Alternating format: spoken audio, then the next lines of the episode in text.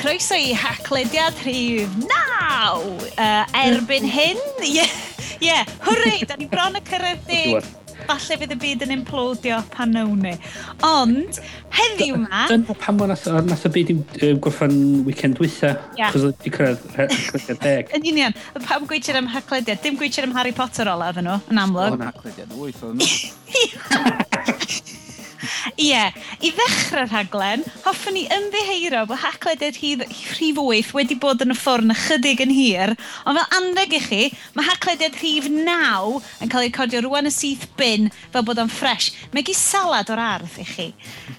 Hyn yma, uh, yn arbennig, yn ogystal â Bryn. Hello. Iestyn. Hello. A fi Sioned, mae gen i ni Rodri Ap Dyfrig! Helo! Good evening, Llanbadarn! Ond te, Rodri, pan nad wyt ti'n uh, bod yn party planner i uh, party faint oed? Uh, tair oed. Tair oed. Um, yeah. Ti'n licio siarad tech efo ni. Uh, Alli di fynd â ni trwy um, pa, a pa apps bydde ti'n defnyddio i trefnu party uh, plentyn tair oed? Wel, Dim byd, a dweud y gwir, dwi'n defnyddio apps ar gyfer lleici, ond dwi wedi bod yn defnyddio apps ar gyfer pwyll, sef uh, White Noise app. Oh! Yeah, so, a e- esbonio am y pwyll, mae'n dweud am pwyll rwan? Mae pwyll yn tynnu at 2-3 mis oed. Dwi'n ah. licio'r enw yna, de. Ie. Oedd o ddim yn bwyllog iawn, so tybod, o rhaid i wneud joc bach o'n ymwneud. So be mae White Noise app mae'n neud iddo fo?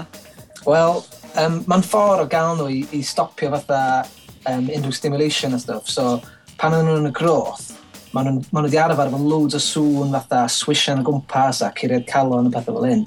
So pan maen nhw'n allan, maen nhw'n cael bach o sioc bod pethau'n ddistaw. So pan ti'n trio cael nhw wedi gysgu, mae weithiau ddefnyddiol i gael sŵn fatha unau... Um, maen nhw'n sŵn... Ie, yeah, allol, neu peiriant fatha hwfro neu be bynnag. Ond um, uh, sŵn Doppler um, machine ma, da ni'n iwsio, sef y machine sy'n checio cyrraedd calon uh, efo fatha ultrasound. Cool. Rhaid fi ddeud, uh, dwi'n defnyddio uh, The Will Tonight ar Radio 4 fel fy white noise personol i i helpu fi fynd i gysgu. Wel, um, dwi ddim yn gwybod... Dwi wedi cyrraedd sailing by. Mae seiling by ymlaen am loads rhy hwyr. Mae seiling by am fel cwarter i un, so ni'n gobeithio fi'n cysgu erbyn hynna, chos fyddai'n cranki'n bore eblaw am hynna.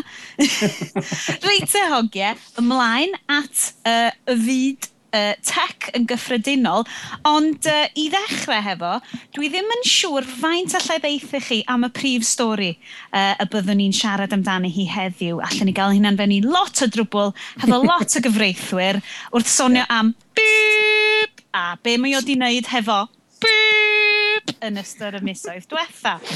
Um, of gwrs... Well cliw anferthol i'r stori sy'n dod. Wrth gwrs, rwan, da ni'n siarad am y goriw chi'n junctions. uh, di rwy'n di rwy eisiau esbonio fi be fysa injunctions yn y Gymraeg, allai gael y term mwyaf anhygoel mae i ddeud. Ond well, uh, am rwan... Wel, dwi eisiau cadw, cadw honna. Goriwch injunctions. Goriwch injunctions. Um, goriwch injunctions. Be mae hyn yn golygu? Twitter, defnyddwyr Twitter a ydy ni gyd yn mynd i'r clink. Ond i, i ddechrau hefo, bach o newyddion tech i chi, jyst i'ch uh, soffnoch i fyny bach cyn i'r uh, stwff trwm uh, mm -hmm. doniol ddod nes ymlaen. Uh, I ddechrau hefo uh, newyddion cyflym, hwrre, mae iPhone app S4C wedi ei ryddhau. Ni wedi bod yn gweithio hwn am ychydig. Uh, chi, guys, pwy sydd wedi bod yn defnyddio fo? Be Beth... O, oh, wel dwi'n hollol allan ohoni, gan bod wildfire fi ddim hyd yn oed yn rhedeg cyw sydd yn siomedig iawn. uh, be di'r verdict, hogie? Neis. Gwaith da, dyna, dwi'n mwyn. Um, How deflated can you get, Bryn? Wel, peth ydi, wedi bod mor hir yn dod. Wedi sort of dweud, o ie. I'n gwybod oedd o'n dod, oedd o'n really surprise neis i fi. Am bod, um, um, dydw, i, dydw i ddim yn berson sydd yn dieddol o flicio drwy'r channels a sticio ar S4C, da i deud de. Ond wedyn mae pobl yn siarad wrtho fi a deud, o, oh, nes i weld hyn ar S4C. Dweud, na ddo. A wedyn, dydw i ddim yn mynd a watcha ddo ar clic uh, online, ond fod dwi'n mynd defnyddio flash, dwi'n just gwrtho. so, um, yeah, rwan, fe drai ddechrau gwylio'r rhaglenni yma, uh, a, a mae'r um, ma interface yn really neis arno fo, mae'n twad, A mae'n mm. gweithio'n gyflym, ac um, maen nhw wedi, pob yn ag nath o, maen nhw wedi gwneud job andros um, o dda. Fi'n credu taw Box UK sydd wedi datblygu fo, mm, mm. Uh, hefo input o tîm mewnol S4C, just yn neud yr... Um, uh, twa, sut, sut oedden nhw eisiau fo weithio, wedyn oedd Box wedi mynd ati i, i greu o, yeah. o beth dwi'n deall. Wrth gwrs, efo fersiwn cyntaf o app, mae gennau i gwpl o gwynion, ond Mae nhw wedi dweud fod uh, nhw'n mynd i drwsio hyn, ond um, pawb yn gwybod beth di Airplay yndi? Uh, rhwyd, quick run through i ni. Os, os ti efo Apple TV wedi hwcio fyny i dy dyledu, mae Airplay yn gallu i chdi danfon uh, lluniau a sain oddi ar dy ffôn neu dy iPad i'r Apple TV fatha streamio fo ar draws. Um, ond mae'r bwtwm Airplay yn ymddangos pan ydych chi'n uh, gwylio'r rhaglen yna fo, ond mond y sain sydd yn mynd ar draws, ddim y llun. Mm. Felly, hmm. da chi dal yn gweld y llun ar y ffôn, ond mae'r sain yn mynd trwy'r teledu. So, maen nhw wedi dweud fod nhw'n edrych i fewn i reid hwnna'n fersiwn 1.1. Peth mm. arall nes i sylwi heddiw yma, oedd, um, mae gennau i geibl, um, dwi'n meddwl beth ydy AV cable, so bod yr un melyn coch a, oh, yeah. a gwyn. Mm. A mae hwnnw'n hwcio fyny i'r iPhone. Ac fel arfer, efo video footage, ti'n plygio hwnna i fewn, a mae jyst yn mynd syth i'r teledu, ond dydy o ddim efo'r app yma chwaith. Um, mm. Diolch yn dod hyd yn oed y sain ddim yn mynd drwad. Um, a nes i drio fo'r cwpl o'r eraill, fatha un uh, Revision 3 ac uh, dwi'n yn cofio pwy, pwy o, ar un Vimeo hefyd. A dod oh, yeah. mae'n gweithio. Mae'n gweithio ar yr un YouTube a mae'n gweithio hefyd. Os da chi efo'r app Q ac yn mynd i gwylio um, rhaglenni cyw, mae'n mynd â chi i Safari yn yr iPhone, a mae'n mm -hmm. gweith, mae'n dang, da chi'n gallu defnyddio hwnnw i weld uh, rhaglenni cyw trwy'r cable yma. Ond... Ooh. Bosib iawn bod hwn rhywbeth uh, yn dechnolegol dofn iawn i wneud efo encodio'r fideo a'r gwahanol ail encodio sy'n cael ei wneud falle. Rhywbeth i wneud efo... Na, switch, uh, switch on ydi o yn yr... Um, uh, uh, beth sy'n gael efo? Oh. Mae Mae Apple wedi cymryd bach o draffaeth yn, yn y gorffennol efo pobl sy'n creu docs ar gyfer teledu.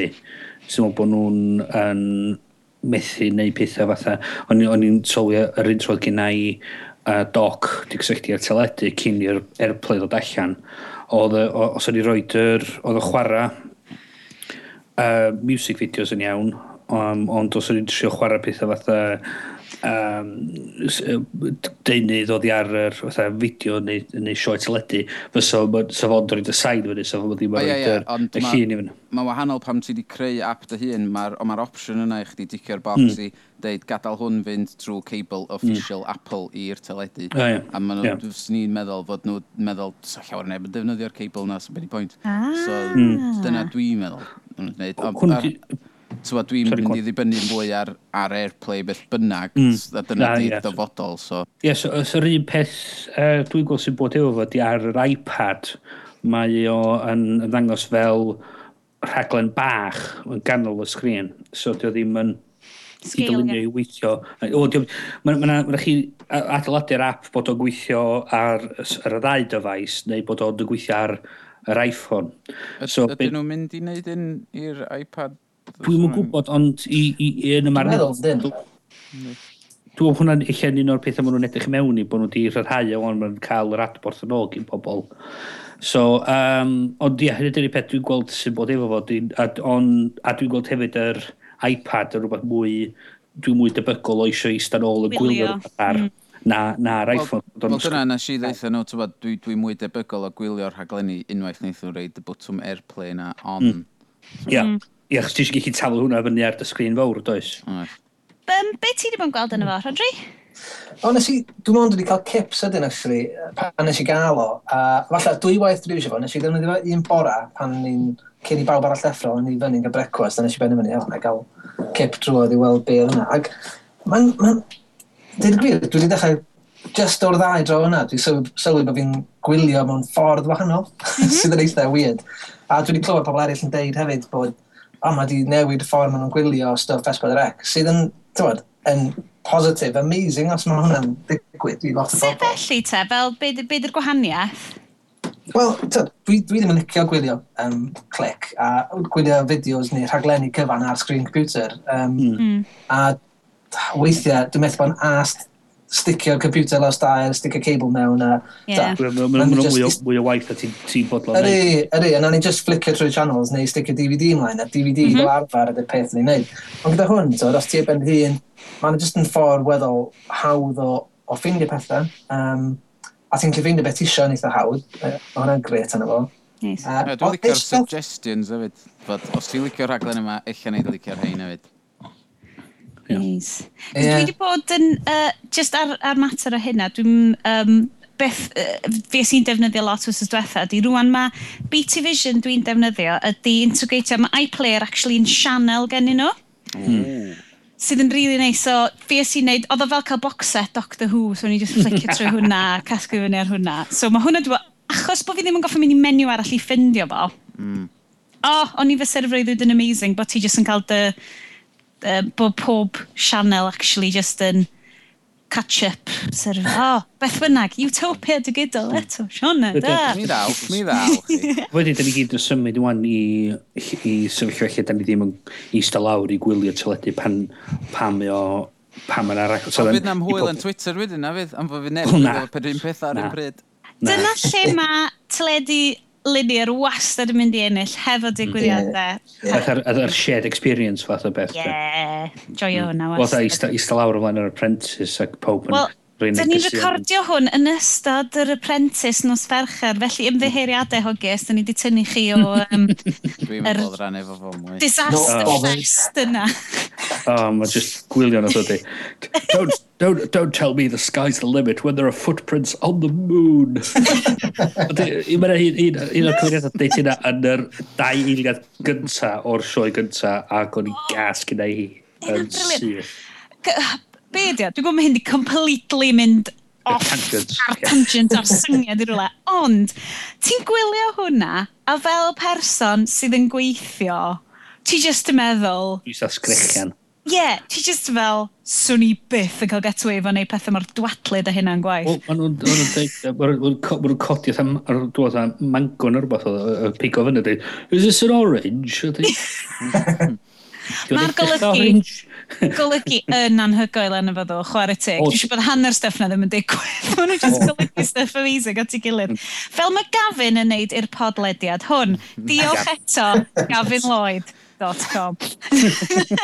um, felly, um, derbyniad da i hmm. iPhone app S4C. Um, Dwi'n meddwl yr app cynta Cymraeg da sydd wedi... Mae yna un peth o dde, ti'n dweud app cynta Cymraeg da, ond be am Android, be am yr iPad. Fatha, yeah. mae bach, dwi'n dwi, dwi, dwi, mm. dwi poeni chdi bach, really, pan mae ma fatha, tyma, pan mae pobl yn lansio gwefan yn mm. Saesneg, yn nhw'n dweud, o, oh, well, mae'r stuff Cymraeg yn dod wedyn. Mm. Mae'n dangos chydi bach o fatha... Peth, peth ydi, mae angen... Mae angen creu'r proof of concept. Ond ie, mae eisiau mae isio dechrau'n rhwla, does? Mm. Ond fatha, fatha, dydy creu iPhone app a wedyn creu yr un Android yr un pryd, mae yna mynd i fod yn dwbl o gost, os ni'n mm. meddwl. Mm. Um, fel ti dweud, dwi'n eisiau gwario'r amser ar arian i gyd, os os oes neb yn mynd i ddefnyddio fo. Ac, ac i greu dadl hyd yn oed mwy, dwi'n meddwl mae pobl sydd efo iPhones yn dieddol o mynd i lawrwytho'r app a, a defnyddio fo yn hytrach na pobl sydd ar Android eblaw eich Sioned.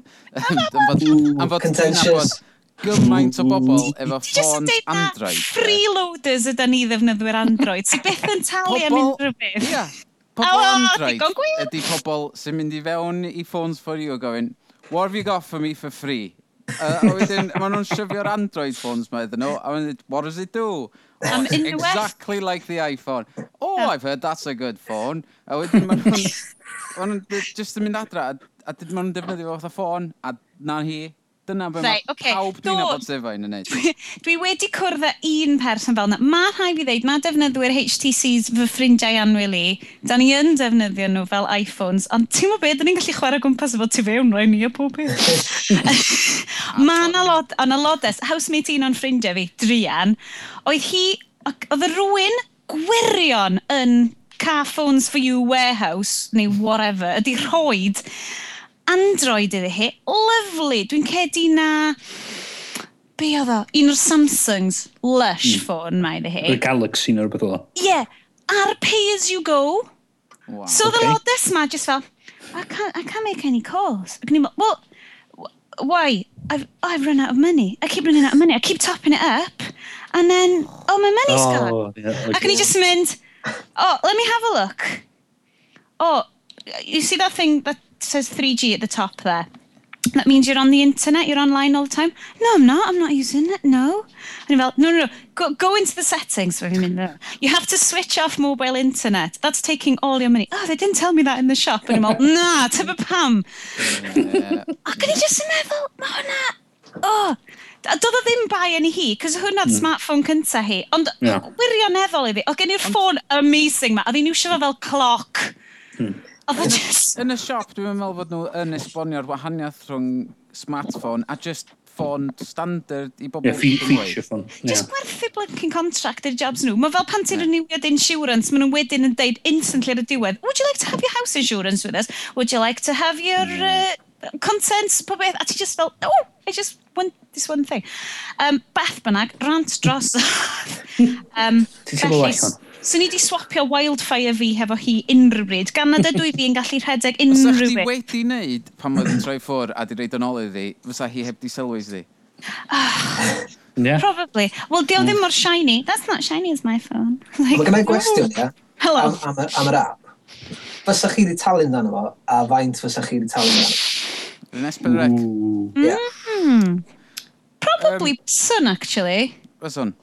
Hmm. So faint? Definitely talu... Uh, 59 ceiniog. 79 ceiniog. na, dwi'n meddwl na dwy bint ys ni'n talu amdano fo. Yeah. O, ti'n gweld Android user, yeah. cheapskate.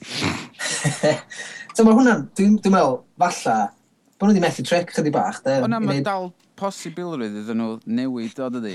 This is the last day you can have it for free. Yeah. Ti'n fo? Mm. Ond, dwi'n dwi gwybod, dwi'n cedi bod y gair deddf yn dod fyny yn yn podlwydd ni. Ydy Ysfydrac yn cael charge o'n bethau? O, dwi'n meddwl sa'n neb, dwi'n mwyn sarna neb yn dwi'n achos yn erbyn nhw.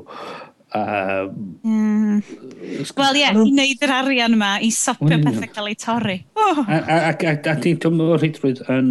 Dwi'n mwyn gwario ar fel yma, mae nhw'n dod â mwy o bobl i fiewn i'r sianel, mm. sydd fel bod nhw'n hmm. gallu gwerthu mwy o o uh, hysbysebu yna fo. Bysach chi'n derbyn ta? Honna, uh, bysach chi'n derbyn fersiwn ad-supported? Na. Bysach ti ddim yn talu amdan, ond bys ti yn talu amdan dy fersiwn heb ads. Ie. Yeah. Mm. Bys e model fel yna falle di bod yn... Dwi'n cysau ads. Hmm. Dwi'n meddwl meindio ads. Ie, meddylia fel... Um, bys yma'n briliant, bys yma fel yr ads Tropicana Cymraeg. Dwi'n cofio hwnna, hwnna, gret. Fatha, mynd ar YouTube wan, a ti jyst yn pwyso play, a wedyn, no, dim hwn O, mynd am... A mae'n ad yna, dwi'n fel, oh, god, bullshit. Ie. Isio fi o. Give me my free shit now.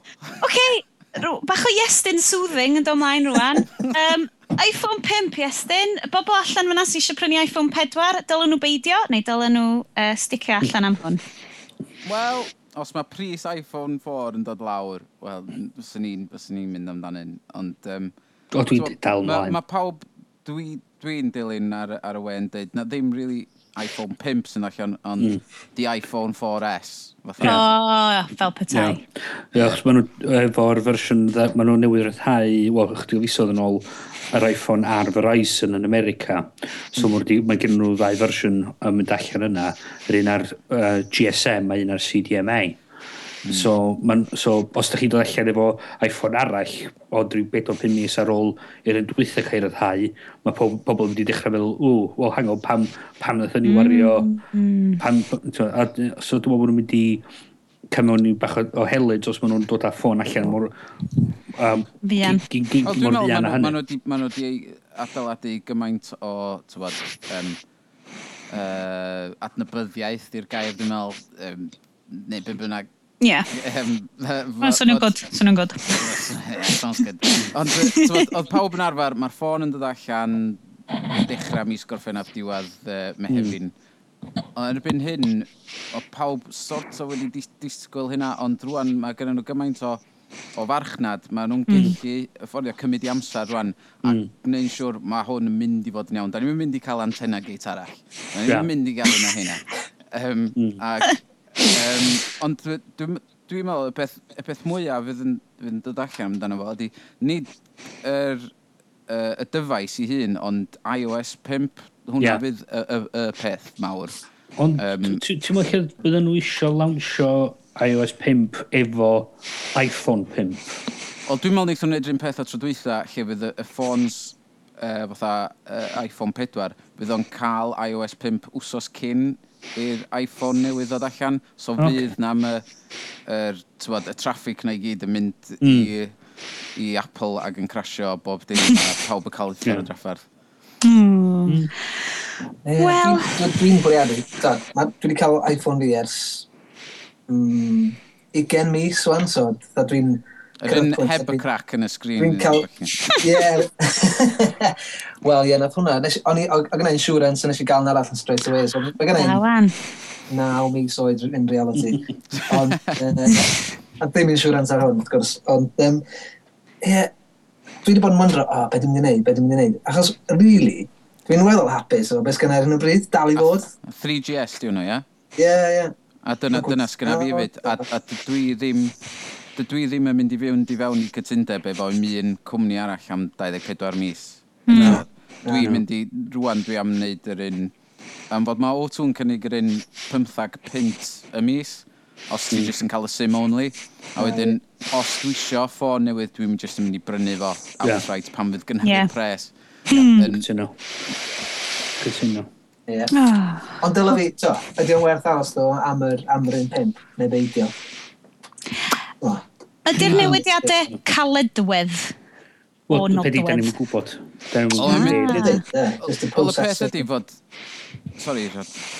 Ah, just processor um, fastach sy'n mynd i fod yno fo, ia. Ond, really, ta, faint o waniaeth, ta, ti'n mynd sylwi arno fo, o fydd i fydd ar hynny, dwi'n ddim lot sy'n mynd i dweud. O, o chwarae efo'r uh, iPhone 4 sydd gen fy Ngwraig, mae hwnna'n lot gyflymach na'r 3GS gyda fi.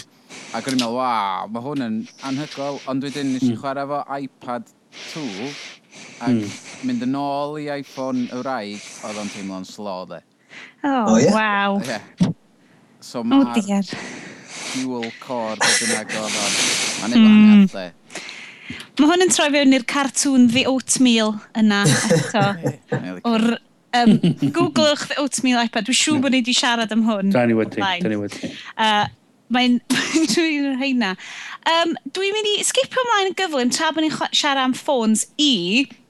Um, yn gyflym iawn, nathon ni ddim trafod pan gafodd y cyhoeddiad i wneud bod Windows yn troi fewn i Nokia, mae Nokia'n cymlu, clymu fo well, Windows phones, a mae no, Windows no, phone... Nokia'n troi, Nokia troi i Windows, dim i win, Windows yn troi i Nokia.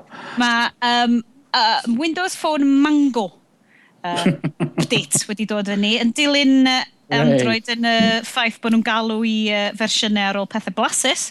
Faint fa, o ffôn am wedi torri troma? Mae'r um, ma updates yma, twa, ddim, yn, ddim yn ofnadwy o newid y byd. Lot o bethau bach defnyddiol, ni'n gweld fel, wneud lot efo grwpiau, Co contact, bethau felly. Dwi wedi rhoi copy and paste ar efo eto. Maen nhw wedi rhoi, dwi'n credu bod wedi rhoi uh, multitasking yn ymwneud. Ond dwi'n meddwl, nhw wedi bod yn gaddo copi o pest ys, ys cyn dolyg dwytha. Drian, gymod i tyma bach i Steve roi copy and paste fe. Ia, ond oedden nhw... Ond maen nhw wan... That was two years ago! a, a peth ydy bod wedi bod yn gaddo hwn uh, yn deud, o, oh, fydd o allan, fydd o definitely allan yn uh, y mis tachwyd. O na, na, bydd o definitely uh, erbyn dolyg. O na, na, fydd o definitely mis Ionawr. O na, na, na, na, fydd o definitely mis... Ond os ti efo Microsoft hat. Office ar dy ffôn, ti'n misio copy and paste na, guys? O oh na, gos yn amlwg. So, gen ti Office ar dy ffôn, just abandon hope all ye who enter here, dwi'n ama. Um, felly, ydy dwi'n, y cwot mawr bryn cyn i ni ddechrau recordio hon oedd, fydd Nokia ddim o gwmpas mewn 5 mlynedd o, so pa da poeni. Yeah. Wyt ti wirioneddol yn gweld i fel yna? Mae ma, ma nhw wedi bod yn sôn wan bod Nokia am gwerthu yr, yr ochr sy'n neud ffona i Microsoft. Ah. So Microsoft gallu neud mwy fel mae Apple yn neud, sef y problem sgyn Microsoft ar y funud yr un fath, fath sgyn Google, mae'n gyn gymaint o gwahanol ffona o gwmpas mae rhaid i nhw adeiladu'r meddalwedd mm. i gallu ymdopi efo'r gwahanol handsets mae gyd. Lle mae Apple yn gallu creu un ffôn a maen nhw'n gwybod mae'n meddalwedd nhw'n mynd i gweithio ar hwnna. Does am, does am rhyw sgrin odd na bod ar un ffôn, sy'n sgrin mwy ar ffôn mm. arall, does am prosesor cyflymach ar hwn, dwi, dwi, mae hwn di wneud efo ARM, mae llall di wneud efo Intel. So pan di Android ddim yn cael y problem yna? Wel, mae Android yn cael problemau yna. Mae nhw'n cael, mae ma Google yn creu stoc. Just fod nhw'n o ffôns nhw gyd allan yn am ddim, mae nhw'n just yn saturated. Wel, ydy Mae ma Google, mae ma, ma, ma, ma Google efo HTC, Motorola, Samsung a pob yn creu ffôn ar gyfer nhw. Mae nhw gyd yn newid yr sgrin, mae nhw'n newid y gwahanol, a newid yr, yr yr, yr, yr, y penfwrdd ar y ffôn, mae bob dim yn wahanol ar, ar ar gwahanol ffona. Mae nhw'n gyd yn redag fersiynau gwahanol o'r, or meddalwedd. So mae'n anodd i Google creu rhywbeth... Ydy'n beth da, Sioned? Uh, I fi'n bersonol, um, cryfder rhywbeth fel yr Android ydy'r ffaith bod ti yn gallu rheoli, neu ti'n gallu gweithio rown pethau, ti'n gallu setio fo fyny yn y ffordd wyt tisio. Fi'n fi siarad falle mwy amdano y technoleg y pethau. Chos beth di, ti'n ti wan, uh, pan trwys gen ti ar funud? Uh, dwi yn rhedeg, dwi fod yn rhedeg, dwi yn rhedeg 2.2, jyst ydy'r wildfire right. methu dy gymod efo ma, flash. Mae nhw wan di dod allan efo 2.3.4 sydd yn, sydd yn datrys um, traffarth diogelwch reit, reit diorifol. Mm, ynglyn â open wife, uh, yeah, yeah, efo wifi. Yeah, yeah. Sniffio, sniffio authentication tokens dros, um, sydd yn allan yn, yn, y clir. O, ie, yeah. diogelwch, os nad ydych chi di updateio'ch uh, mhm. Android um, mm. yn ddiweddar, peidiwch yn mynd ar wifi's agored cyhoeddus. Ond fysa fe'n well gen ti, Sionet, os ydych chi'n cael y ffôn fel mae Google yn yn reidio y, y meddalwedd i'r cwmnïau ffôns ma, yn hytrach fod na fod y cwmnïau ffôn yn cael gafel arno fo ac yn oh, completely. Bydde, bydde. Be, be dim problem i ar hwn ydy, ys dwi eisiau, dwi gormod o wws i updateio flash y pethau ar yn machine i, achos dwi'n eisiau bricio fo, achos ys gennau ddim insurance na'n byd arno fo, i achub os dwi yn manage o cocio popeth fyny uh, wrth, wrth trio neud. So na, na, na, mae'n yna ddadle yn rili really dda bob hmm. ochr. Um, Hai fi ddeud, mae yna rhywbeth yn gorau bod yn agos at Android achos maen nhw yn gwerthu comparable amounts a dwi'n cedi yn ddechrau overtakeio Apple mewn rhai... Ond yeah, hefyd... Just achos bod pethau'n red, dwi'n... A maen nhw di gymaint o, o ffôn allan yna. Ie. Yeah. Ond os, os mae Microsoft yn prynu Nokia, mm. yr, yr, yr, yr unig un allan yna fydd ar y ffons eraill mae gyd, fydd Android, oherwydd mm. bydd Microsoft efo'i ffôn nhw, mhm. mm -hmm. bydd HP uh, efo i ffôns nhw, ag mm. Apple, mm. a wedyn just Google a yeah. pawb arall.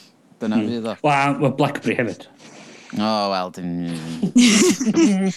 Tria yn y Blackberry. Ond on, on y peth ydy, mae hwn, ma hwn yn peth da i Microsoft, achos maen nhw'n cael mm. um, mynediad i gyd gymaint o... Chyn Nokia ydy'r ffôn, yr cwmni mwyaf yn y byd am creu ffôn na. Ond mae marchnadoedd nhw wedi shiftio lot mwy tuag at Asia, Africa, De America. Mm Yr sort of sub-smartphones ma. Ia, yeah, ond y peth ydy, mae gen nhw yr, yr pobl sy'n gallu creu y ffôn yma, be maen nhw wedi bod yn, mm. be maen nhw wedi bod yn colli ydy'r gwasanaethau, yeah. fatha maps, chats, pethau fatha... Um, Hefyd dwi, rioed, dwi heb licio iwsio Symbian erioed. Yn union. A dyna be maen nhw wedi bod yn methu. Lle oedd Apple yn creu rhywbeth slick, Google yn creu rhywbeth slick, doedd gen Nokia ddim yr ochr, yr ochr slick na gyd, a gwasanaethau gallu clymu fo gyd at ei gilydd. Mae gen Microsoft pethau fatha uh, y, Zoom, y Zoom Pass, mae gen nhw Bing a falle, os maen nhw'n gallu dod â hwnna gyd at ei gilydd, o fewn ffôn, maen nhw'n neud o well yma. Byswn i yn seriously cysidro uh, Windows Phone am yr un nesaf. Dydw i ddim fyny am contract am fel mm. blwyddyn arall.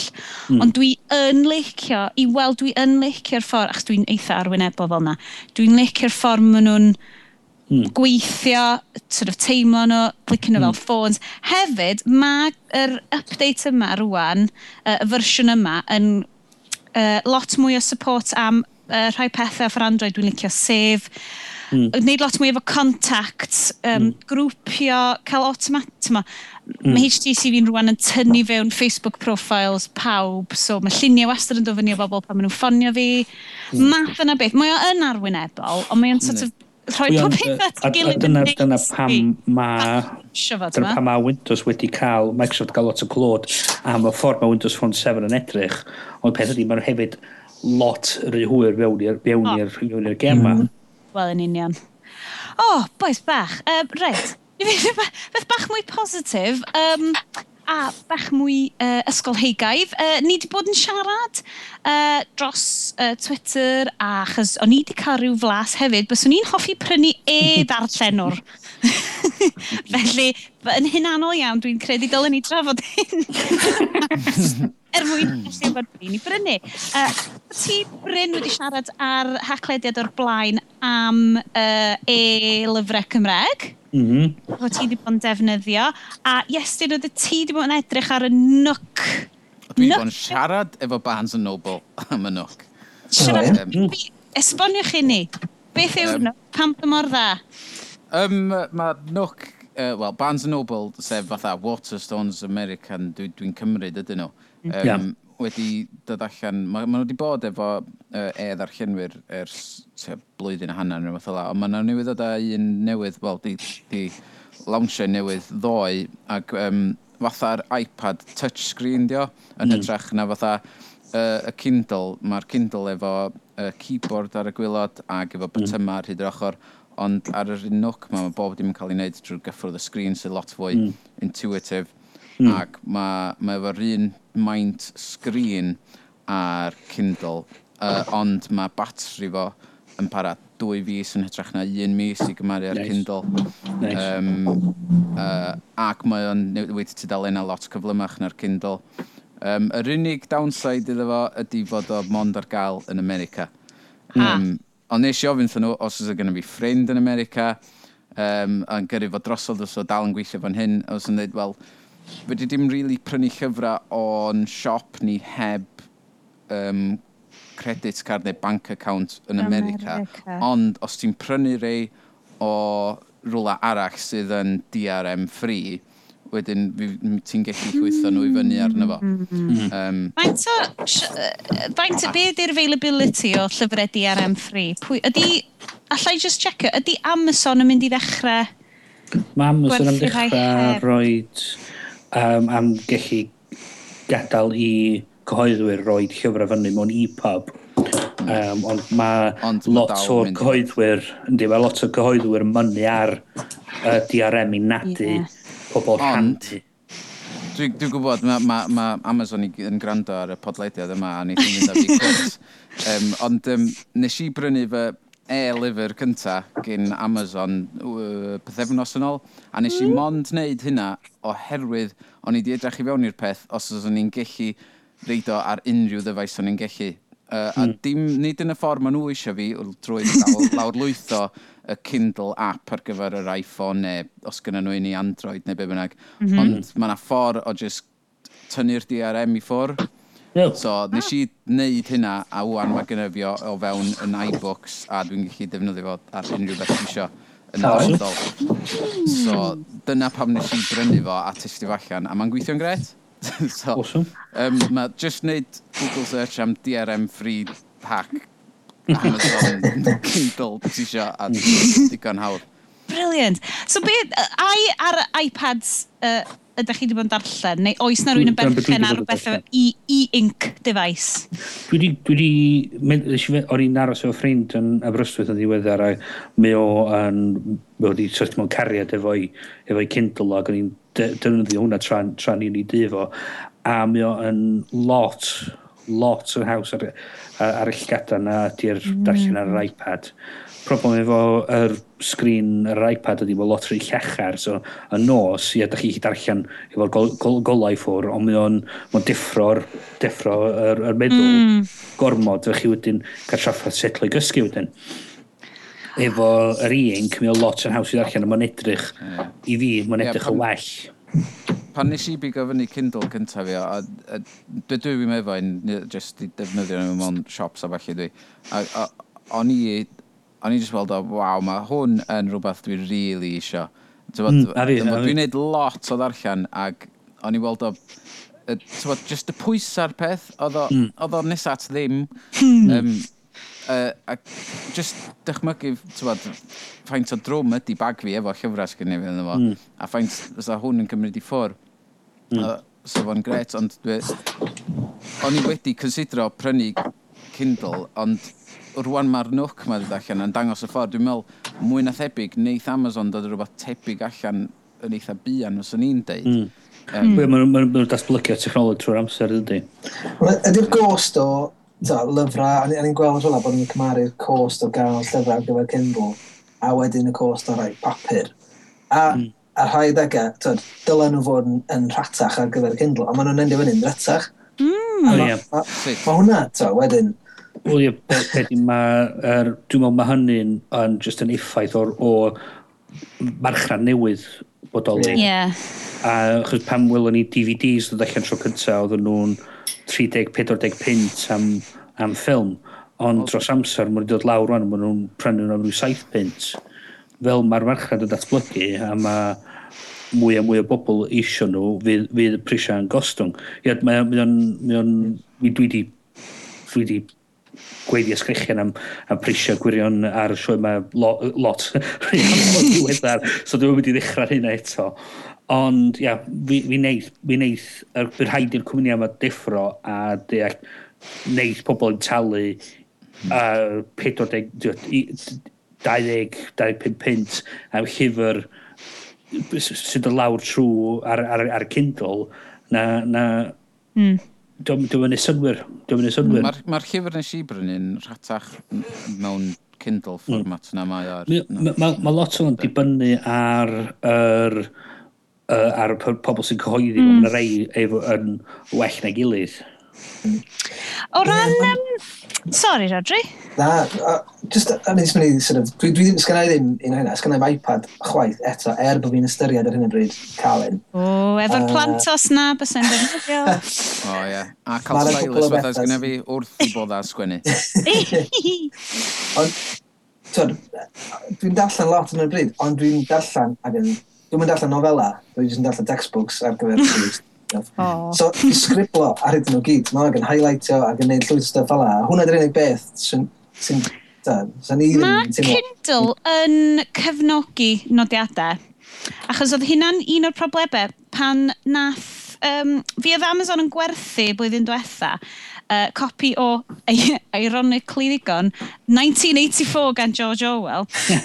a doedd gen y cyhoeddwr mor hawliau werthu hi mewn fformat um, digidol, a felly wnaeth Amazon, um, beth ti'n gael remotely tynnu pob yeah. copi off pob Kindle yn, uh, oedden nhw wedi gwerthu. Yn Australia. Yn oh Australia.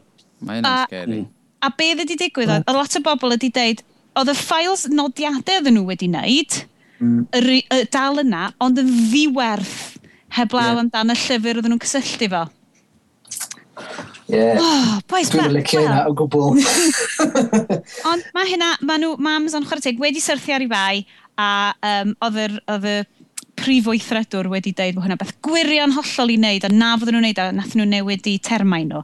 Felly, um, mi fydd ni'n Gobeithio'n siarad mwy hyn. Uh, ys ydi Amazon slash Barnes Noble slash unrhywun eisiau anfon cwpl o eidd allenwyr i ni. Beth am chwi gyhoeddwyr llyfrau Cymru?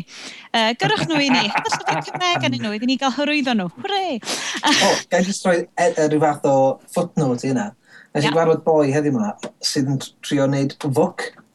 Fwc? Sef, video, video book. Video book. Yeah. Awesome. Ac, uh, Oedd o ddangos cwpl o enghreifftiau fi, a oedd o'na ambell un oedd yn really teimlo'n interactive ac oedd yn mm. integrated efo'i gilydd. Ond o'na rhai oedd just... Yn... Ie, wel... Hwna ddim fel y llyfrau Asterix uh, Make Your Own Adventure na, lle o ti'n darllen a ti'n dewis fel lle o ti eisiau mynd a wedyn bys ti'n gofio fideo nhw fel Make Your Own Video Adventure. Ond yeah, allan yn just game bydde. Sorry. So ie, yeah, sut mae hynna'n gweithio? Ie, yeah, ond rhai, ma, on oedd rhai just yn fatha bron iawn bod ti'n cael cyflwyniad i benod ar ffyr fideo gen yr awdur neu stuff lint, mod, a neu oedd ah. clips bach o fideo yn just yn y text ar rhai pwyntiau. Mm. Ond o'n teimlo braidd, braidd fel bod o'n just yn sticio bits o fideo ar lyfr. A, yeah, mae'n just yn... Mm. Dwi'n gwybod, dwi'n gwybod sy'n licio yna. Mae'n... Ie. Na, o'n i'm yn siŵr. O'n i'n licio yr un nath o ddangos fi lle oedd o chydig bach mwy o fatha bod ti'n chwarae, oedd y text yna, ti'n meddwl, oedd darllen fel llyfr, mm. ond oedd yna fatha hanner sgrin arall oedd yn dangos pethau gwahanol ti ar un pryd. Ac oedd nhw ddim yn distracting, oedd nhw'n bethau, ddim yn gorau bod efo llais o bethau fel hyn, ond oedd nhw'n chwarae multimedia ar ochr, really, um, ar gyfer mm. pob stafell. Um, da chi wedi gweld uh, llyfr Al Gore? Na. na. Ar yr iPad. Mae hwnna'n... Ma hwnna um, uh, highly interactive efo fideos ac efo charts ac efo... Uh, Dwi'n meddwl licio charts oedd ydy. chwarae efo. Um, so mwy fel infograffeg yn perthyn. Mae o, mae nofel cyfa ydy o, ar the, the state of the planet neu yeah. ond mae wedi cael ei wneud well, ar gyfer yr iPad a'r mhm. iPhone mm -hmm. a mae o'n so, ffurf newydd. Yeah. Well, bod ti'n ti gweithio ffurf, bod o ddim just, falle fel bod y boi mae'n trio trio rhoi i'r hodri fel. Dio ddim just yn text, fideo text, bod y ffurf wedi yeah. greu i gefnogi. Yeah. Mae hyn, hynny'n pwysig yeah. hefyd ydy, fel, fel mae'r technoleg yn datblygu, fydd pobl yn, yn lle trio trosi llyfr mewn i'r ffurf electronic yma. fatha mm. gweld efo cilchgron ar fyny, maen nhw'n trio, maen nhw'n meddwl, ww, da ni'n gallu rhoi fideo fan yma, o ia, pam ddim nhw'n rhoi fideo fan yma, mae'n yna yeah. hollol synwyr, a maen yeah. trio cadw'r un i fformat efo... A um, efo'r cilchgrawn, maen nhw'n actually yn, yn meddwl amdano fo mwy ac actually dechrau meddwl, ww, pan da ni'n aros yn y fformat yma, fydden ni diweddaru'r fformat a, a mynd ymlaen i'r stage nesa. Ie, yeah, fel yeah. gychwyn oedd ffilm, oedden nhw jyst yn ffilmio uh, pethau theatrig, a wedyn sbiwch yn y fwrwan. Mm. O ia, os ewch chi um, ourchoicethebook.com, uh, hwnna di'n algor, mae yna link i fynd i'r un uh, yr iPad a mae yna lwyth o fideos yn, yn fyna. Mae'n ma werth i weld, da. Um, Fab. Wel, o feddwl rwan, um, mae'n dibynnu os fydd y padlediad yma actually yn mynd allan, neu os fyddwn ni gyd wedi cael summons. Achos da ni'n mynd i symud ymlaen i'r hadran, bosib iawn, fydd rhaid i gafyn jyst roed y beep ar hyd ddo fo i gyd, a bod ni'n methu siarad amdano fo'n amlwg. Well, as long as dyn ni'n dweud enw fo, fydda ni'n oce. Okay. Wel, um, fel ddedodd, o, oh, yn anffodus, um, di'r attention-seeking Lib Dem MP, di'r enw methu sticio'n ymhenni. Dedwn ni, Ryan Giggs, Ryan Giggs, Ryan Giggs. Drian bach yn y fo, mae di bod on, yn... Wel, gwrs i joc reit am dan o. O, ti'n rhan ata. Oce. Okay. Um, Oedd wedi rhaid allan bod o'n efo hiraeth mawr Um, um, Nid o Saesneg, chos mae'n dwi'n mynd symud rhywbeth. Um, has, has, a, has, a, uh, has a great uh, longing for Wales. Uh, he, he's, um, feels very homesick. He loves, he loves living in Manchester, but he does occasionally miss Wales. yes, yes, yes. Ah, I see what you did there, very good, very draw. Oh, thank you, thank you. Yeah. Ah, felly, um, yn ystod wythos lle uh, na, naeth uh, rhai o um, lawyers mwyaf Llundain drwy fynd â Twitter i'r cwrt. Yeah, good luck with that one. um, da ni yma i siarad am ddreifatrwydd, gorywch injunctions, a sut mae hyn i gyd yn, yn dod lawr i ni gyd yn rhannu jokes ar Twitter. Boys, ddech chi di rai sydd wedi bod yn edrych ar yr ochrau uh, tofn a cyfreithiol yn efo, heblaw am Bryn sydd yn amlwg wedi just bod yn edrych jokes fyny. Wel, chdi bach o'r hamas, eich Just, just um, y pe cyntaf di, dos am actually fath beth a super injunction. Di'r term yn actually bodoli mewn gyfraith. Be oedd super injunction, oedd term dath uh, Alan Rusbridger, uh, sef uh, golygydd uh, Guardian dod fyny efo, i disgrifio be ddigwyddodd yn 2009 efo Traffic Era. Ac oedd A ta be oedd yr achos yna? Chos hon oedd yr un fawr lle ddoth yr rhain i'r amlwg falle. Ia, yeah. so, so be ddigwyddodd oedd, ddari Traffigiwra mynd i'r llys i nadu uh, adroddiad cael ei rhyddhau oedd yn sôn amdan be ddigwyddodd yn yr Ivory Coast nôl yn 2006 lle yna scandal mor lle o'na pobl wedi uh, just roed uh, lot o llygredd toxic just dympio yn, yn y môr oedd ar yr Ivory Coast. Wedyn, ddari yr... er, er, er, twrna oedd yn gweithio ar gyfer siaffi gyda'r Cat Rock mynd i'r llys i geisio nadu y Guardian um, adrodd ar cwestiwn oedd cael ofyn yn, yr, yn y tu cyffredin amdan be, yr, yr adroddiad yma. A doth hwn ar holl beth, yr super injunctions yma i'r i, i, i, i sylw pawb. So, be, ffordd oedd hyn, yn gwmpas oedd ddaru barnwyr Brydain darllen yr Human Rights Act um, o 1998 ac a, darllen yn, yn article 8 bod gen pobl yr hawl i, i bywyd preifat. A wedyn ddaru nhw creu creu i ryw, i ryw radda deddf preifatrwydd uh, well, sort of uh, tool intents and purposes. So bydd hyn yn, yn gallu, galluogi pobl i wneud oedd i fynd i'r llys i dweud, wel, dydy'r er, dydy er Guardian ddim yn cael, uh, dydy'r Sun ddim yn cael dweud beth i enw fi uh, boi, uh, yn y papur newydd nhw, achos mae hynna yn torri'n hawl fi i gael bywyd preifat. Mm. A wedyn oedd Llys dweud, o ia, na, ti'n ti pwynt teg, um, reit, uh, son, gwch chi'n chi deud bod, bod y person yma wedi cael, um, wedi bod yn cyboli fod yna arall, a gwch chi'n deud chwaith bod chi'n cael deud. A dyna beth super injunction ydy. Um, mynd, chyd mi oedd injunctions junctions an, a gagging orders yn bodoli o'r blaen, be, be, mm. y pen pwysig oedd, oedd yr hyd wedi rhoi yr tafod ychwanegol, mae'n deud bod dych chi'n cael deud, bod chi'n cael deud. Ond mae hyn i gyd yn, yn wahanol iawn mewn achos fel traffig iwra, mm -hmm. oedd wedi cymryd um, yr, yr injunction ma allan yn erbyn um, gohebwyr yn sôn am rhywbeth oedd wedi digwydd yn uh, tir cyffredin, oedd yn hollol agored fel. Doedden nhw heb di cyfredin y tir cyffredin, beth oedd nhw wedi gwneud, oedd nhw wedi oedd nhw wedi cwestiwn wedi gofyn. Ia, oedd nhw wedi deud i'r Guardian bod fysen nhw'n canu chos fysen nhw'n torri'r yr injunction. Hwna oedd y peth pwysig. Doedden nhw wedi deud, doedden nhw wedi deud cwerth injunction allan yn erbyn palm, chos da chi'n mynd yn hynna. Ond, ia, so... Um, be so, be sy'n wahanol, dydyn, ydy pan wyt ti'n dod fewn i uh, be mae'r papurau newydd yn gwirioni arno yn fwy na ddim byd ydy yeah. bobl cyfoethog yn chwarae gwmpas. Yeah. A dyna so, lle mae Twitter yn dod fewn i fi. Yr yeah. ffaith ma o bod... Yeah. bod um, with great power comes great responsibility. mm. um, Ond, uh, yeah, so, da ni'r enw yr er, Ryan gigs o'r amlwg dod mynd allan ar Twitter yn reit handy a'n dweud be oedd be, wedi bod yn digwydd ac o hwn yn mynd allan o pob ydy, o, glwch chi'n hyn, o, glwch chi'n hyn, oedd yn mynd allan y lledyn bellach gan bellach. A fel pobl dod i'n dall mwy ar be ydi digwydd, oedd nhw'n dweud, o, dyn yma'n iawn, pam ydw cael cuddiad o ffaith bod, bod hyn di digwydd, mae enw hi allan, pan di enw fod ddim allan, mae'n bod yn bach o, o sinach yn cuddiad twl i'r gyfraith. Mm.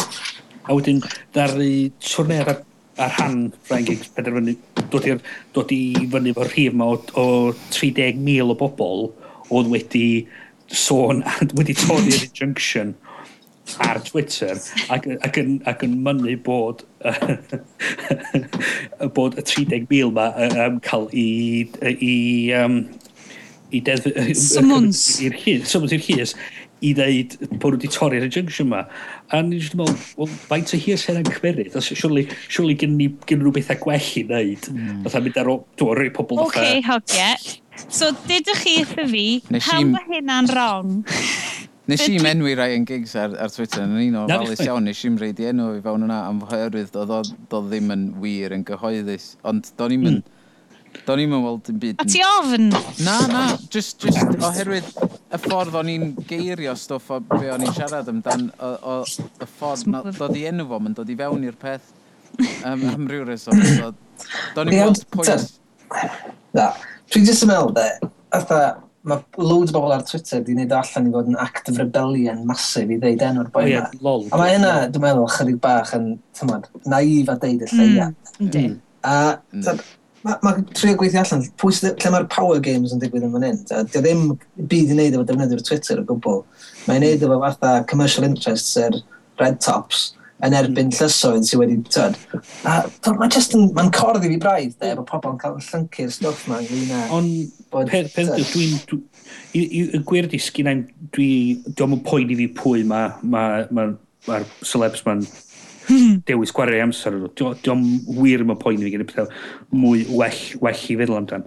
Ond y problem sy'n dod ydy, mae'n gwneud penderfyniadau ar deddfu ac ar prifatrwydd ar oherwydd y celebs yma yn mynd i gael mwy o effaith na mae'r pobl yma'n meddwl. Os da chi wan yn deud, o, oh, mae'r rhaid, mae gen pob hawl i prefatrwydd ag oedd Max Mosley yn ceisio mynd i llys yn Ewrop i, i ddeud bod rhaid i papurau newydd deud i'r person maen nhw am redag stori amdan, bod nhw am redag stori amdan nhw cyn i'r stori cael ei gyhoeddi. Mm. Mae hynna wedyn yn galluogi nhw i fynd i'r llys a deud, reit, ti'n yeah. cael injunction yn ebyn y stori yna cael ei, cael ei rhai. Da chi'n gallu galluogi person ydy hynna, be sy'n adu wedyn i cwmnïau dechrau gwneud hynny. So, dwi wan yn gweithio i dwi cwmni sy'n creu cyffuriau, a dwi'n gweld bod na bod na draffath efo un o'r cyffuriau mae'n dechrau lladd pobl. Dwi'n deud bod eisiau mynd i'r i, er, mynd i'r papurau newydd amdano fo, mae'r cwmni dod allan efo super injunction a dweud na, da chi'n cael siarad am hynna. A mae hynny wedyn yn, yn peryglu yr diddordeb sgin yr, yr, yr, yr cyhoedd i wybod bod bethau fel yna'n digwydd. Ie, ond preifatrwydd unigolion yn ytrach na cwmnïau. Ond peth ydy, mae o fewn, fewn peth yma, mae cwmnïau'n cael eu trin fel pobl. O, o fewn y dedd, person ydy cwmni. Mm. So, os mae, so, os mae os mae os mae person yn cael yr hawl yma, mater bach fydd y wedyn fydd cwmnïau dechrau dweud, o, da ni angen cael yr hawl yna hefyd, yr hawl i prifatroedd. So, okay. mae... Mae hwnna'n ddigon teg. Nes, nes i weld blog post ynddo gen newydd y dirwr. Oedd wedi creu'r blog ar gyfer deud hyn, dwi'n meddwl. A oedd wedi gweld yr 81 o Super Injunction sydd wedi cael ei wneud, ac wedi gweld pwy, mm. pwy ddanyn nhw. A yeah. oedd wedi gwneud dadansoddiad o, be oedd y canrannau o to, pa oedd yn gwmnïau, parai oedd yn, yn achosion llys, fysa ddim, uh, ddyla ddim rili really ddod i'r i, i fod yn gyhoeddus oherwydd bod yn achosion sy'n digwydd a bod yn fod yn newid yr achos llys. Ac oedd rhan fwyaf yn nhw yn rhai ar gyfer hmm. celebrities. Hmm. Um, Hyd yw'r peth o. Mae ar y funud dos am byd fatha, yr unig ffordd o gallu cael gwarad o'r superinjunctions ma ydy, os da chi'n mynd i'r llys, ac, ac, yn, ac yn terio flaen y llys a dweud, mae ma, ma gyn, er, gyn y cyhoedd hawl i wybod am hyn, mae eisiau troi drosodd er, cael gwarad o yr, yr injunction yma. Mi o'na, um, uh, o'na adroddiad cael ryddhau yn ganol rhyw chydig o ddyddiau nhw. Gen Lord, dwi'n wedi gael yr henw ma'n hollol anghywir. New, uh, new Burger, yr arglwydd New Burger, oedd yn sôn am yr effaith o'r super injunctions ma. A be oedd o'n dweud oedd, uh, o'na dri, tai reswm pam oedden nhw'n o'na broblem efo nhw, oedd nhw'n cael greu gan y llysodd, oedd yn nhw, mae'n gormod o'n nhw wedi cael i, i greu, a do'na ddim fath o time limit arnyn nhw. So ia, yeah, dwi'n dwi, cytuno'n hollol os maen nhw'n cerwyd ar achos llys sy'n digwydd y munud yma, mm. Tha, mm. bod nhw rhyw ferch cael treisio a maen nhw'n trio amddiffyn i, i, i enw hi. The gret, ia, mm. yeah, super injunction anna fo, deud bod y ffeithiau'r storys na'n cael dod allan.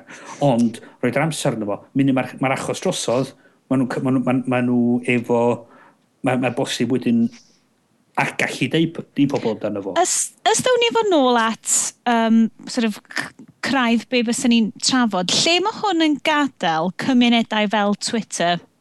Ydy Twitter yn cael ei drin fel uh, ystwyd y tais sentient being yn ei hunan hefo um, uh, syniadau o lle mae eisiau mynd a motivations, neu ydy o'n cael ei drin fel cyfrwng?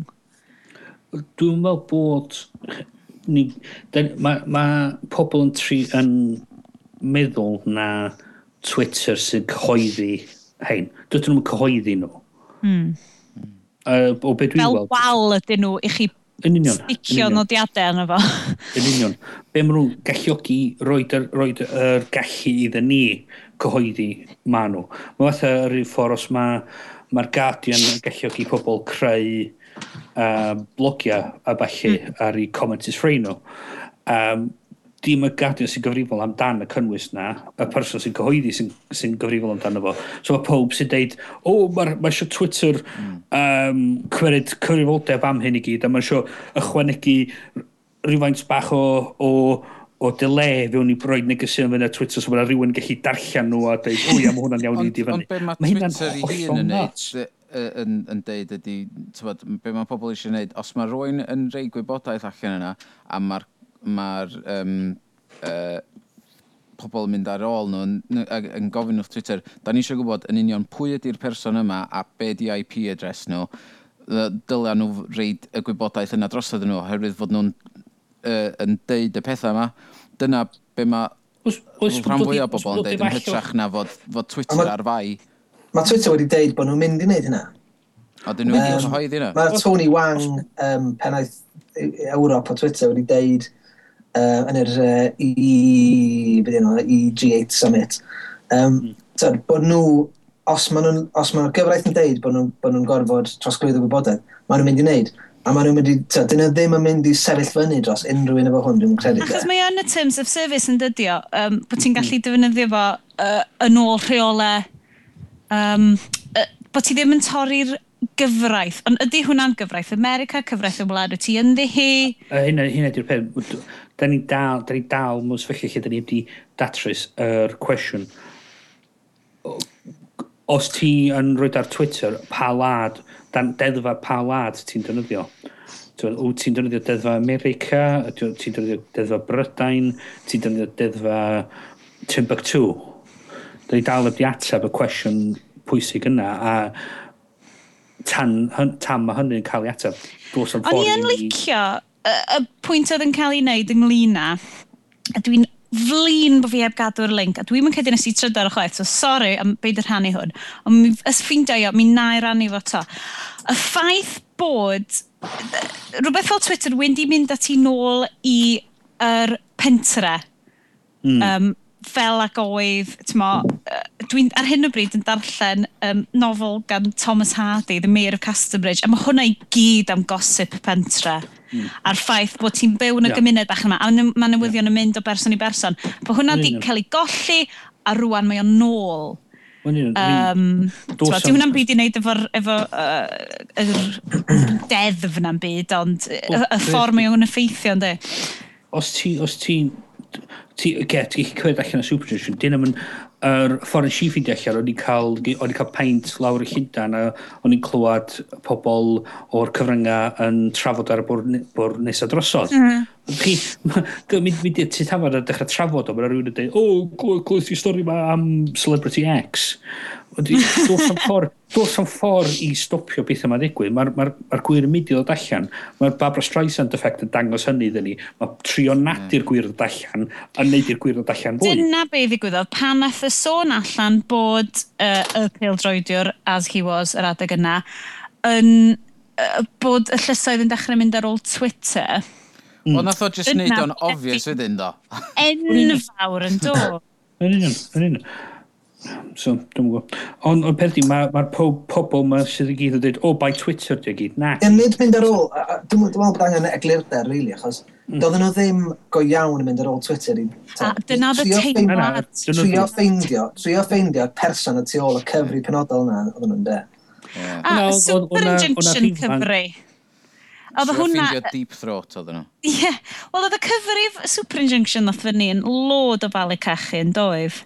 O do, chos oedd yn dweud storys am, am uh, Jeremy Clarkson a Jemima Carr. Ond dweud, really? really? Honestly, Jemima Carr. Ond, cryfder eto, falle, Twitter fel cyfrwng, oedd y ffaith bod hi wedi gallu dod nôl yn syth bin yn deud, mae hyn yn ridiculous. A mi oedd y ti'n credu hi fwy, gan bod ti'n gwybod... Ia, yeah, na, i chyfri hi. Ie, doedd hi ddim eisiau cael ei gwneud unwaith eto, dim dweud bod yr cyfreithwyr wedi mynd ar ôl Twitter, ond dyna oedd y teimlad, y mob mentality drwy pawb yeah. uh, wysos diwetha yma rwan. Bod, mm. sut allan nhw fod yn ymosod oh. yn ni? Wel, da ni'n mynd i fynd yn net. Ond hyd y peth, da ni wan, y, y, y, y, pwynt sgan i di, fydden nhw'n dechrau meddwl am creu deddfa i reoli pethau fatha Twitter, mm. i nadu ni gosipio amdan um, gosipio amdan rhyw beldroediwr. Wel, oedd yr erthigol ar y Guardian heddiw yn hilarious, or, doedd. Oedd. Deud bod, ia, um, rhaid i link yn y nodiadau, um, ac oedd o'n deud bod, o, oh, mae dylsa Twitter a Facebook cymeryd cyfrifoldeb am hyn, ag, ag checio bob un neges cyn iddo cyrraedd lan. Mm. Mae hynna'n... Mae ma, ma, ma, milodd o nodiadau cyrraedd i fyny bob eiliad. Mae'n amhosib i unrhyw berson yeah. gallu... Pwy di'r boi na? Dwi, dwi erioed i clywed amdano fo boi. O, rhyw, rhyw boi PR oedd o sydd yn just yn trio cael bach o sylw. Uh, in fact, actually, dwi, dwi, i, i spaitio, dwi'n mynd i'r link yn yno. Just rhaid yeah. sylw iddo fo. Ie, mae'r boi just yn complete and utter beep. Um, uh, mae'n just... Felly, be ydy'r um, problemau da chi'n gweld hwn yn creu ar gyfer uh, gwe a gorfod. Ie. Creu problemau mawr i bobl. Mi oedd, mae peth, yn i'n darllen um, The Facebook Effect, sy'n llyfr briliant. Mae, mae werth i chi, werth i chi trio darllen o. Mae o uh, sôn am peth oedd y mentality Mark Zuckerberg pan oedd yn trio creu Twitter a be oedd o'n, sorry, creu Facebook a be oedd o'n ddeud oedd, mae o'n teimlo os ti'n agor allan bywydau pobl i fod mor cyhoeddus a ma nhw, ti wedi creu rhyw fath o utopia mae lle mae pob yn bod yn onest i'w gilydd, a pob... Uh, yeah, a pob, a, a pob yn byw i bywyda nhw i, i safon uwch. Mm. Reit. Gwarad o'r syniad prifatrwydd dydy dos am ffordd i cuddiad bod rhywun yn cael, bod, chi, bod, er, bod rhyw gŵr cybolio dynas dros nesaf Mae hynna'n... A, a, a dwi'n licio sy'n hynna. Ydy minority report fod nhw'n gwybod beth sy'n mynd i ddigwydd cyn iddo fo ddigwydd, a wedyn maen nhw'n gallu mynd yna a stopio fo am fod maen nhw'n yeah. gweld deg munud i'r dyfodol neu rhywbeth stupid fel yna. Ond dwi'n dwi, licio syniad na, mae'r syniad na yn, lo, yn lyflu, um, bod, bod pob yn mynd i gallu bod yn yn gallu byw i bywyda nhw i safon uwch. Mae yna ffantastig, dwi'n licio yna. Yeah. O beth ydy, yn y, y byd go iawn, dwi'n meddwl bod hynny'n mynd i ddigwydd. Problem ydy, mae rhywun yn mynd i greu deddf newydd ar, ar, um, ar, ar ôl beth sy'n digwydd, a hmm. mae mm. a mae'n mynd i cael gormod o effaith ar rhyddid pobl i gallu dod â pethau mwy pwysig i'r blaen. A dyna... Dyna, ie. Yeah, Dyna'r prif broblem ti'n ffeindio bod hwnna, di'r ffaith bod... Uh, dwi'n gwybod fi eisiau mob mentality, mae hynna'n neud swnio defn defnyddwyr Twitter swnio'n gas. Dwi'n gwybod bod yn gynhenid gas neu'n gynhenid un ffordd neu'r llall.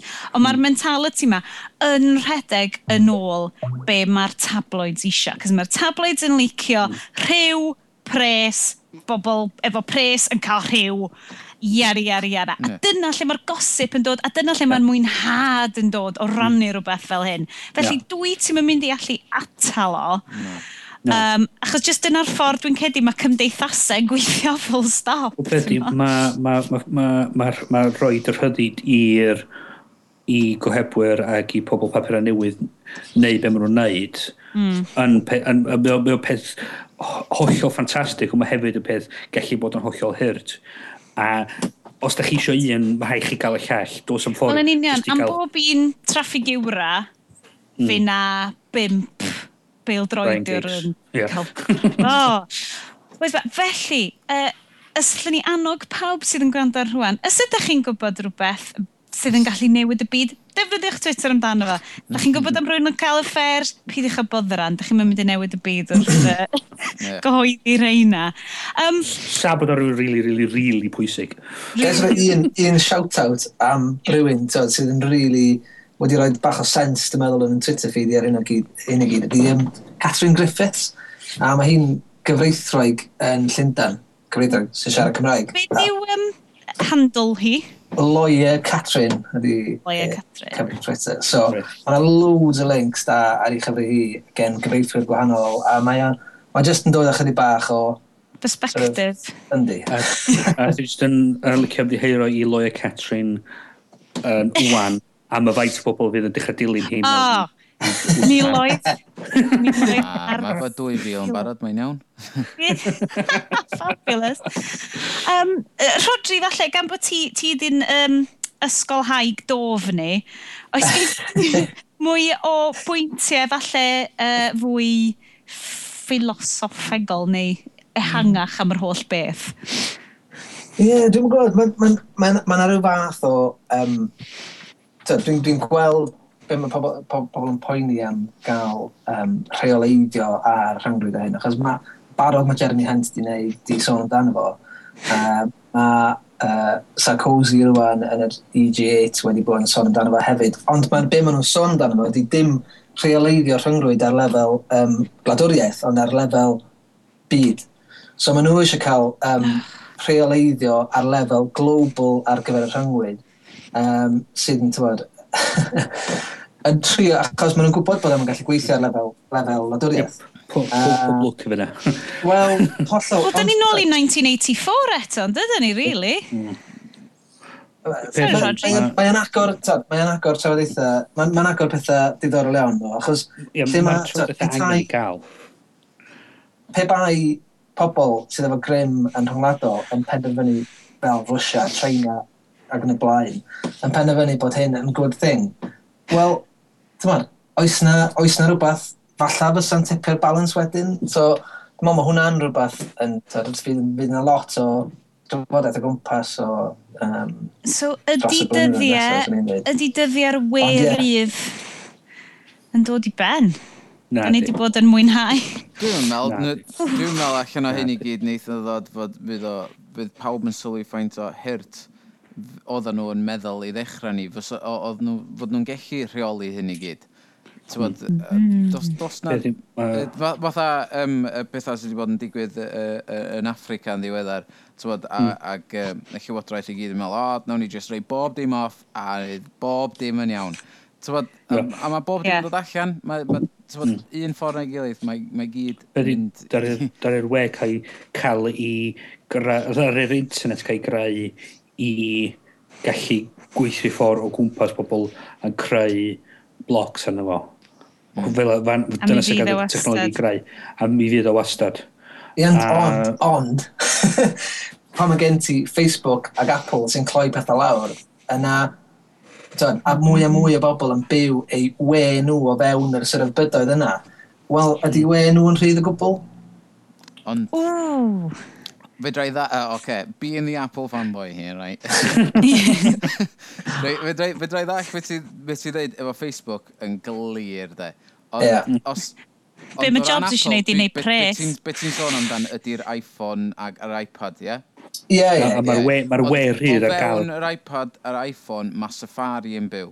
Sydd yn hollol agored. Hmm. So... Mm. Sydd i fynd... Wel, heb am flash. Wel. Ie, ond Ond ie, o fewn Facebook, fi drai weld, mae ma Facebook yn wir yn trio isio rheoli y, y we, a pawb mynd i'r we trwy i, i ffordd nhw o weld pethau, a, a fysa hynna wir yn cael pethau lawr. Os yna pawb yn stopio... Yn, yn barod, chi'n gwybod? Dyna, dyna, dyna, dyna, dyna heb di gweld fi ar Facebook ys amser hir, te. Ah, wel, diolch yn fawr i chi am drafod hynna. Dwi'n gobeithio bod chi gyd wedi sticio hefo ni trwy'r... Uh, Mae hwn wedi bod yn un hir, do. Ond, yn un defnyddio. Bai fi di hynna, gobeithio ddim. ah, ti wedi bod yn dragio, de, Rodri? Good God. Wel, diolch i chi am wrando cyhyd, bobl. Dyn ni wedi dod i ddiwedd pethau eto, felly, sy'n ni'n hoffi dweud diolch yn Mari Rodri Abdyfrig at Noodles am ymuno hefo ni. Croeso. Gobeithio. Ah, Ie, gobeithio gysdi amser. Eto thema, ie, yeah, tyd nôl, please. Ond uh, dim ond bod ni'n cael dod i'r parti uh, tair mwy ddoed. Soft play, Bow Street, 10.30, byd ar y bwyd gwell. Ydy nhw'n cymryd bobl dros 28? Wel, chi'n gallu cael panad yna, so... Yeah! Plant a caffeine, oh my god! um, felly, diolch yn fawr i ti ymuno, fyny. Diolch eto i Gavin Lloyd, am olygu yr haclediad a, a wneud job wych ohoni yn wneud pethau wneud no, bach mwy o synwyr. Diolch yn fawr i ti Gavin. Gafinloyd.com, Iestyn? Ie wir gafelau.com, please ewch a cefnogwch. Um, felly, am yr rhifin hwn, uh, fi wedi Sioned, felly at llef ar yr hen Twitter perig yna.